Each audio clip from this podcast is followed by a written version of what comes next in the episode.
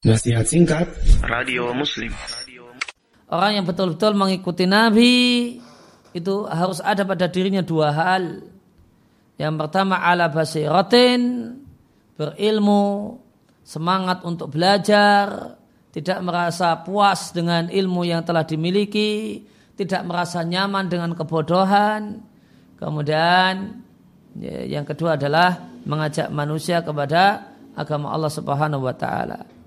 Dan mengajaknya adalah ilallahi kepada Allah, bukan pada dirinya. Mengajak orang untuk memuliakannya, mengeluk-elukannya, untuk mengaguminya.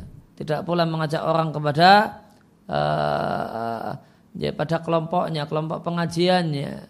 Tidak pula mengajak manusia kepada teman-temannya.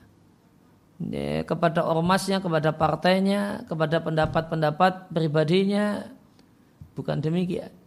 Non dakwah yang benar, dakwah yang ikhlas adalah uh, berdakwah mengajak ilallahi kepada Allah, pada agama Allah. Mari makin taat kepada Allah. Mari semakin mengilmu agama Allah, semakin sungguh-sungguh mengamalkan agama Allah.